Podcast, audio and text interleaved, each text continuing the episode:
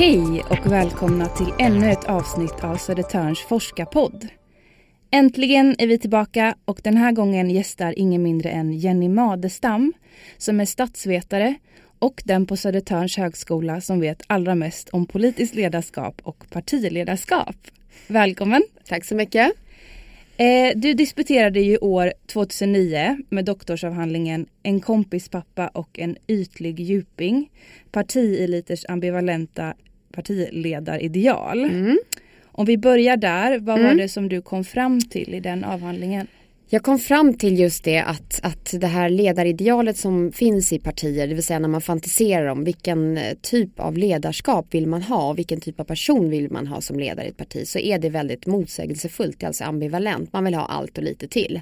Och det kan man likställa lite med mänskliga ideal generellt om vi tänker när man har så här, ja, den ideala partnern eller den ideala semestern så ska det ofta rymma liksom allt och lite till och många gånger saker som inte går ihop.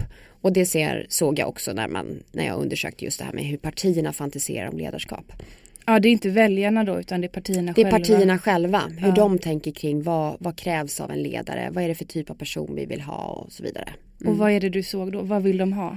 Ja, de vill ha lite olika saker. Det skulle sägas att den här avhandlingen då den, den eh, eh, höll jag på med i, i för många år höll jag på att säga. Jag hade initialt ett ganska stort material där jag studerade samtliga partier som då fanns i riksdagen. Men sen så för att jag skulle bli klar så var jag tvungen liksom att skära bort och avgränsa så till slut så blev det Socialdemokraterna och dåvarande Folkpartiet som var med i den här avhandlingen. Och det, de, det jag såg var just att i de här två partierna så finns det två skilda ideal. Och det är det som titeln på avhandlingen också signalerar, nämligen att i Socialdemokraterna så vill man ha en kompispappa eller om man så vill en kompismamma. Och det är en person som är å ena sidan då som vilken annan medlem som helst. En schysst kompis och som alltid ställer upp för organisationen som heller aldrig får stå först i ledet eller vara den här ledaren som pekar med hela handen. Men samtidigt i Socialdemokraterna så vill man just ha en, en väldigt stark ledarfigur, en föräldrafigur nästan som talar om hur världen ser ut för en. Så det är det, den här liksom motsättningen som hela tiden pågår. Medan i Liberalerna eller Folkpartiet som de då hette där är ledaridealet präglat av att man å ena sidan vill ha en ledargestalt som är eh, hela tiden syns i media och är liksom den här flashiga figuren som attraherar väljare och som är liksom alltid sitter i en tv-soffa för partiets räkning. Och som bara ägnar sig åt det och som är då naturligtvis snygg och attraktiv på olika vis. Men samtidigt så betonar man väldigt mycket att en ledare i Liberalerna ska vara en djuping, alltså en person som är väldigt intellektuell och bara ägnar sig åt att typ läsa böcker och i, utveckla ideologin och sådana saker. Så det är också en, ett ideal då. Men var kommer de här idealen ifrån? De kommer av att eh, partierna har ju olika, dels ideologi och olika historik. De har olika erfarenheter av hur, hur deras roll i det politiska systemet har varit. Och det sammantaget förklarar varför man efterfrågar olika typer av ledarskap. I Socialdemokraterna då, som är ett parti som har präglat svensk politik väldigt mycket, så kan man se att den här det är ju å ena sidan en väldigt stark folkrörelse där alla alla ska få vara med på lika villkor och ingen ska vara mer än någon annan. Det är verkligen den här jämlikhetskulturen och den finns i liksom organisationen också väldigt starkt. Men samtidigt så är det ett parti som där man har haft ett väldigt starkt behov av starka ledarpersoner. En gång i tiden så var liksom den här lokala fackpampen på din arbetsplats eller i bygden där du bodde var väldigt viktig för arbetarna för att man kunde driva igenom deras krav. Mm. Och därmed så blev det, finns det en nästan lite så här äh, auktoritetstilltroende arbetarmentalitet inom citationstecken som finns kvar. Mm. Så det är väl någonting som kan liksom förklara deras eh, komplexa ideal. Men det, det är många olika saker som spelar in. Liberalerna är ett parti som alltid haft svårt att ragga väljare och därmed så blir det jätteviktigt att det är det som partiledarna ska, ska göra och vara en sån magnet. Men ser du att de här partiledarna då som väljs är sådana personer i grunden eller är det någonting som partierna skapar? Ja det är en väldigt intressant fråga. Eh, det skulle jag säga är både och men primärt så handlar det nog om att det finns att det är så personerna är. Det ska ju också sägas att det finns ju ingen person som kan vara fulländad det här idealet utan det här är ju liksom ideal och sen är det verkligheten ser ut på ett annat sätt. Men eh, partierna söker väldigt mycket efter eh, hur deras liksom, kravspecifikation ser ut när de ska tillsätta en ny partiledare. Eh, och att för att man då ska ha liksom betraktas som att man är den här kompispappan då. Då måste man naturligtvis ha funnits med väldigt länge i organisationen. Så att man har visat att man är det. Eh, att man är, har båda de här sidorna. Eh, och att naturligtvis också så är det så att man eh, liksom i sin hela sin person så ska man liksom realisera, förkroppsliga partiets allt vad den står för, det står för och det är naturligtvis ingen lätt uppgift. Men det gör ju att såklart att det är väldigt svårt för personer som inte varit med länge i ett parti och bara säga tjena tjena hej jag vill gärna komma här och bli partiledare. För att då vet man inte alls om det här är den som har alla de här sakerna som vi kräver. Det skulle vara lättare då om man är i det liberala partiet? Att komma in och, som en frisk fläkt? Ja, lite, lite grann så skulle man kunna tänka sig det. Å andra sidan så är det ju så mycket mer att, att vara, och det sa just eh, till exempel då Lars Leijonborg som var partiledare när jag genomförde den undersökningen. Mm. Så sa han det att det är omöjligt för någon, även i hans parti, att bara komma in och säga tjena tjena, jag vill vara med här och avancera. Därför att man som varandes partiledare, men även på andra toppositioner, måste ha ett nätverk. Man måste ha kompisar när det blåser, vilket det kommer göra för alla politiker, så måste man veta vem man ska ringa och få stödet av eller vilka, man liksom, vilka är viktiga personer och så vidare. Man måste kunna hantverket väldigt mycket. Mm. Om man ser till då från väljarnas perspektiv, mm. vänder på det lite, så tänker jag så här, tre politiker som är aktuella just nu mm. eller precis har varit mm. som ändå har fått pop, blivit populära mm. är ju Jimmy Åkesson. Mm. Han har högst förtroende. Mm. Fredrik Reinfeldt hade ju också det. Och nu växer populariteten kring Annie Lööf också. Och de här politikerna är ju väldigt olika. Alltså dels personlighet och vad de står för. Men vad är det som gör då att de liksom har mm. lyckats? Annie Lööf och Jimmy Åkesson eh, brukar jag beskriva som tvärtom att de är väldigt lika. Utifrån den aspekt som väljarna brukar just uppskatta. Nämligen att de framstår som genuina. Man brukar prata om ett autentiskt ledarskap och det betyder att man liksom bottnar och att man framstår som att du, jag tror på det du säger därför att du själv tror på det du säger. Så det mm. blir övertygande. Och det har både Annie Lööf och Jimmy Åkesson. Jimmy Åkesson definitivt. Han tror på det han säger. Sen är det många väljare som kanske inte tycker att det han säger är bra.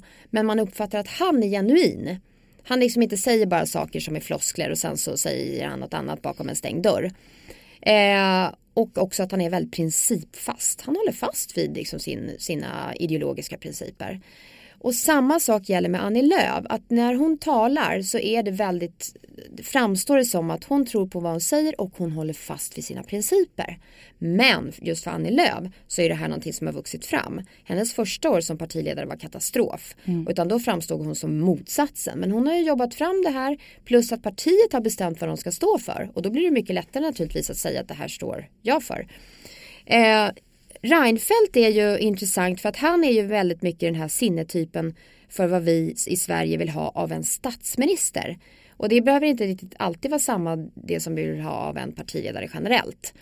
Men en statsministerperson eller en statsministerkandidat måste alltid i svensk kontext vara framstå som förnuftig, rationell, eh, sansad och att man hela tiden liksom baserar sina argument på kunskap och kompetens. Och det lyckades han att göra. Eh, han har en sån framtoning i hela sin person. Eh, och därför så passar han så väl som just statsminister i svensk kontext. Dessutom så hade ju han lyckats med att förändra sitt parti, eh, dess politik och ta partiet till regeringsposition och behålla regeringspositionen som varandes moderatledare. Eh, så det är ju också någonting som naturligtvis då premierar honom. Men hela hans liksom, stil passar väldigt väl i den svenska politiska kulturen. Det gör även hans efterträdare Anna Kinberg Batra. Problemet är att hon inte har en tydlig liksom, linje. Hon vet inte riktigt vilken väg hon ska gå på och det, det, det ser väljarna direkt. Mm. Då blir det inte det här genuina. Du behöver kombinationen där. Exakt. För då kan vi gå vidare. Jag läste en krönika av dig mm. i Expressen där du skriver att en eh, politisk ledare måste både leda och följa. Mm. Det har ju lite med det att göra. Absolut. Mm. Men vad är det exakt du menar med det? Jo men det är, det, det är så man brukar definiera ett demokratiskt ledarskap. Alltså att man å ena sidan så är man eh, den här personen som faktiskt har visioner och visar att det här vill jag med Sverige. Eh, Sverige om 20 år ska se ut på det här viset och därför så måste vi göra ditten och datten. Liksom. Eh, men också så måste man ha förmågan att, att just kolla av vad väljarna och inte minst medlemmarna vill. Därför att man är ju där på basis av ett förtroende. Och du har blivit vald. Det är inte så att du har sökt en tjänst och på basis av ditt CV och blivit anställd. Utan du har fått ett förtroende och då måste du också vara lyhörd. Och de partiledare som inte lyckas med det de blir ju sällan särskilt långlivade därför att partiorganisationerna och väljarna förväntar sig att man har den, den liksom känsligheten. Eh, men det där är ju det där är en balansgång att leda och följa och det är ju, det är ju en svårighet och många gånger kanske det blir så att många partiledare följer för mycket. Att man liksom lite väl mycket sätter upp fingret och undrar vart blåser det idag och vad vill min organisation eller vad vill väljarna? Eh, och att det finns en rädsla för att säga men det här står vi för och nu tar jag kommandot för att driva min organisation eller Sverige i den riktningen. Mm.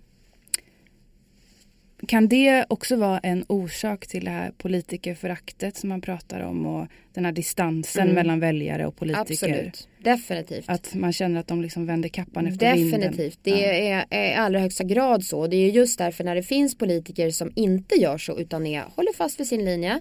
Eh, det, här, det här är det som vi driver och jag tänker fortsätta driva det även om det är liksom opinionsmätningen idag visar någonting annat. Det är de som ofta har just ett högt förtroende som Annie Lööf nu då eller Jimmy Åkesson för den delen. Eh, eller Gudrun Schyman är ett sånt exempel på en, den typen av politiker som vi uppfattar på det sättet. Man tycker att politikerna skulle ha fattat det vid det här laget. Att, ja, de, att det visar sig Men det finns är samtidigt som... då hela tiden en ängslighet för man vill ju också Eh, man är rationellt och logiskt kan man kanske tänka så. Men sen har man ju liksom den här opinionsmätningen som kommer där man ser att oj oj oj partiet bara tappar och tappar och tappar. Vad vill väljarna nu? Vilken är den viktigaste frågan för väljarna? Men det är den jag måste driva. Mm. Och då kan ju det lätt uppfattas som att man är bara opportun och byter åsikt från dag till dag. Mm. Jag som pluggar journalistik tycker ju mediernas roll är ganska spännande också. Mm. Att det ofta känns som att eh, politiker är så mediatränade att de säger ingenting och det är en mm. allmän uppfattning. Men det kan väl också bidra till att de är så rädda för att säga fel att man inte säger någonting alls. Att Absolut. Folk får en fel bild av. Media är ju en enormt viktig och stark aktör i politiken idag. Och politiken är ju fullständigt medialiserad som man brukar säga. Mm. Eh, och det ser jag som att det är naturligtvis positivt att vi har granskande journalister. Eh, och det är ju journalistiken som är liksom länken till medborgarna. Det är ju via media som medborgarna möter politiken till stor del. Men eh, baksidan är ju att vi har fått en journalistik idag som nästan går ut på att också sätta dit. Eh, den här drevjournalistiken som hela tiden ligger liksom i startgroparna för att hitta någonting som politiker säger fel eller uttrycker sig, liksom, det blev en felbetoning eller man som det senaste exemplet vi hade häromdagen nu där vår kulturminister Alice Bah Kuhnke eh, hade, ha, uppgav fel faktauppgifter i Agenda och så blir det en väldigt stor sak. Eh, och det är naturligtvis positivt ur en demokratiaspekt att vi kan ju inte ha kanske en minister som inte har koll på läget. Å andra sidan så kan man ju vända på det, okej okay, men är det här någonting som man behöver då valsa runt i Studio 1 och i Aktuellt och så vidare. Eller är det så att ja, ett misstag kan begås och sen kan man gå vidare. Mm. Men den här att journalisterna är en väldigt stark aktör som också gör att politiken påverkas på ett negativt sätt. Mm. Det är ett faktum. Ja, och det blir ju ett demokratiskt problem kan jag tänka också om personer inte får ta del av information eller mm. Absolut. Inte får, politiker inte får ut sina budskap eller sina ja, åsikter. Det definitivt. blir ett kunskapsglapp där. Det blir det. Och det blir också ett bekymmer utifrån demokratiaspekt att vi får bara en viss typ av politiker. Mm. Nämligen de som är helt fläckfria, som inte har gjort någonting, några snedsteg i sitt liv. För det kommer bli mediadrev kring det. Mm. Och också politiker som är väldigt slipade och kan säga one-liners i tv. Mm. Ja. Jag tänkte att vi skulle gå vidare till eh, ett projekt som du håller på med mm. nu. Mm. Mm. Eh, du håller på att forska kring sociala medier mm. eh, och politiskt ledarskap. Mm. Vad är det exakt du tittar på? Jo, det är ett forskningsprojekt som handlar om hur politiskt ledarskap liksom konstrueras eh, i social media. Hur man använder social media för, som politiker helt enkelt för att skapa sig som en ledare. Och det har många olika delar men en del till exempel så har vi tittat på hur hur i en, en delstudie hur Alexander Stubb som var eh, statsminister men även Europaminister i Finland hur han använder Twitter, han är en sån här supertwittrare, han twittrar jättemycket. Och jämför honom med hur Carl Bildt använder Twitter eh, som också är en då svensk politisk supertwittrare. Och då såg vi att de använder Twitter å ena sidan på väldigt likartat vis för att de är, twittrar jättemycket Eh, men samtidigt så konstruerar de sig själva på diametralt olika vis. Alltså de använder det här mediet för att liksom skapa sig en, en viss en bild av sig själv som ledare. Där Alexander Stubb framstår som en sån här eh, typ supersocial Ironman. För att han är väldigt, väldigt social. Eh, retweetar och, och interagerar, svarar, snackar på Twitter och pratar väldigt mycket om uh, allt. Men också inte bara om politik utan också om sport i allra högsta grad och det är bilder på honom när han är och tränar och lyfter vikter eller nu ska jag liksom ut och cykla tre mil och ja, sådana saker så att han liksom vill skapa bilden av sig själv som en Ironman. eh, Medan Carl Bildt är eh, använder Twitter på ett väldigt torrt vis och eh, eh, är, ger, vill ge en bild av sig själv som en väldigt hårt arbetande diplomat som reser runt och skakar hand med väldigt viktiga människor och eh, aldrig är speciellt kontroversiell politiskt men, eh, men ändå är i hetluften hela tiden. Eh, och som är just den här arbetsnarkomanen. Men han svarar aldrig och är inte alls social på Twitter. Så det är ett exempel. Sen kan jag också bara nämna att vi har gjort ett experiment där vi har tittat på hur väljarna uppfattar om man twittrar mer personligt eller ej. Det vill säga om man twittrar bara så här är på väg till möte i riksdagen, punkt. Eller om man skriver är på väg till möte i, i riksdagen. Eh, sen ska jag eh, eh träffa kompisar och dricka öl. Eh, och då ser vi att om man är mer personlig så kan det påverka förtroendet positivt. Eh, och också om man också eh, att man twittrar med lite mera inlevelse, att man har lite liksom värdering i det hela och inte bara torrt och neutralt så kan det stärka förtroendet. Vad tror du att det beror på då? Nej men det beror väl på att man vill se en annan sida av politikerna än bara det här faktamässiga vad man gör. Mm. Men det ska ju på liksom pekas att, att man svarar på så i en enkät att ja men jag fick högre förtroende när det, de var mer eh, personliga eller, eller liksom eh, värderande. Men det är ju inte samma sak som att man sen skulle gå och rösta på den politikern.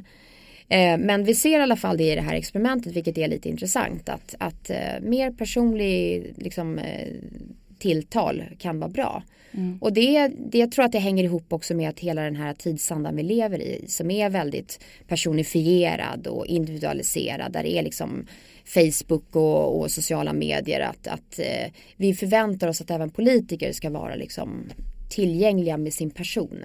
Mm. Mm. Det är många som har pratat om att eh, Donald Trump mm. vann mm. valet i USA på grund av sin Twitter. Mm. Vad tror du om det? Eh, ja, kanske inte helt och hållet på grund av sin Twitter men däremot på grund av att han säger saker och agerar på ett sätt som är icke-konventionellt för en politiker. Mm. Och han får med sig väldigt många då av de här missnöjda, föraktande väljarna som tycker att politiker bara är ett etablissemang som skor sig själva och inte har någon som helst koll på vilka, hur verkligheten är. Utan han, han tar ju ställning för den lilla människan och eh, man tycker att han säger som det är. Mm. Så och det handlar inte om Twitter utan Nej, det är men bara däremot är, är, han väl, är väl det en aspekt i att han använder okonventionella kanaler. Ja. Jag menar, det har ju aldrig funnits någon liksom eh, president, visst Obama twittrar och så vidare men han gör ju det med, med eh, sina assistenter, det är inte han själv som sitter och har suttit och twittrat. Och dessutom så skriver att Trump har inga hämningar. Utan han liksom, ja, känner han nu för att skriva det här så skriver han det. Mm. Eh, och det är ju väldigt nytt och det tror jag att det uppskattar vissa väljare. Att det här är en ny typ av politiker som är inte som de där gamla bara etablissemanget. Mm. Och avslutningsvis då, jag tänkte mm. efter också det du har kommit fram till hittills i mm. din forskning mm. nu. Eh, att de här faktabaserade mm. tweetsen mm. kanske inte alls får lika stor uppmärksamhet eller uppskattas lika mycket mm. som de mer kontroversiella mm. eller personliga. Absolut. Eh, och att det är mycket starka påhopp ofta både i Brexit och USA-valet. Ja. Tror du att de här, den här trenden kommer komma kraftigare till Sverige i framtiden?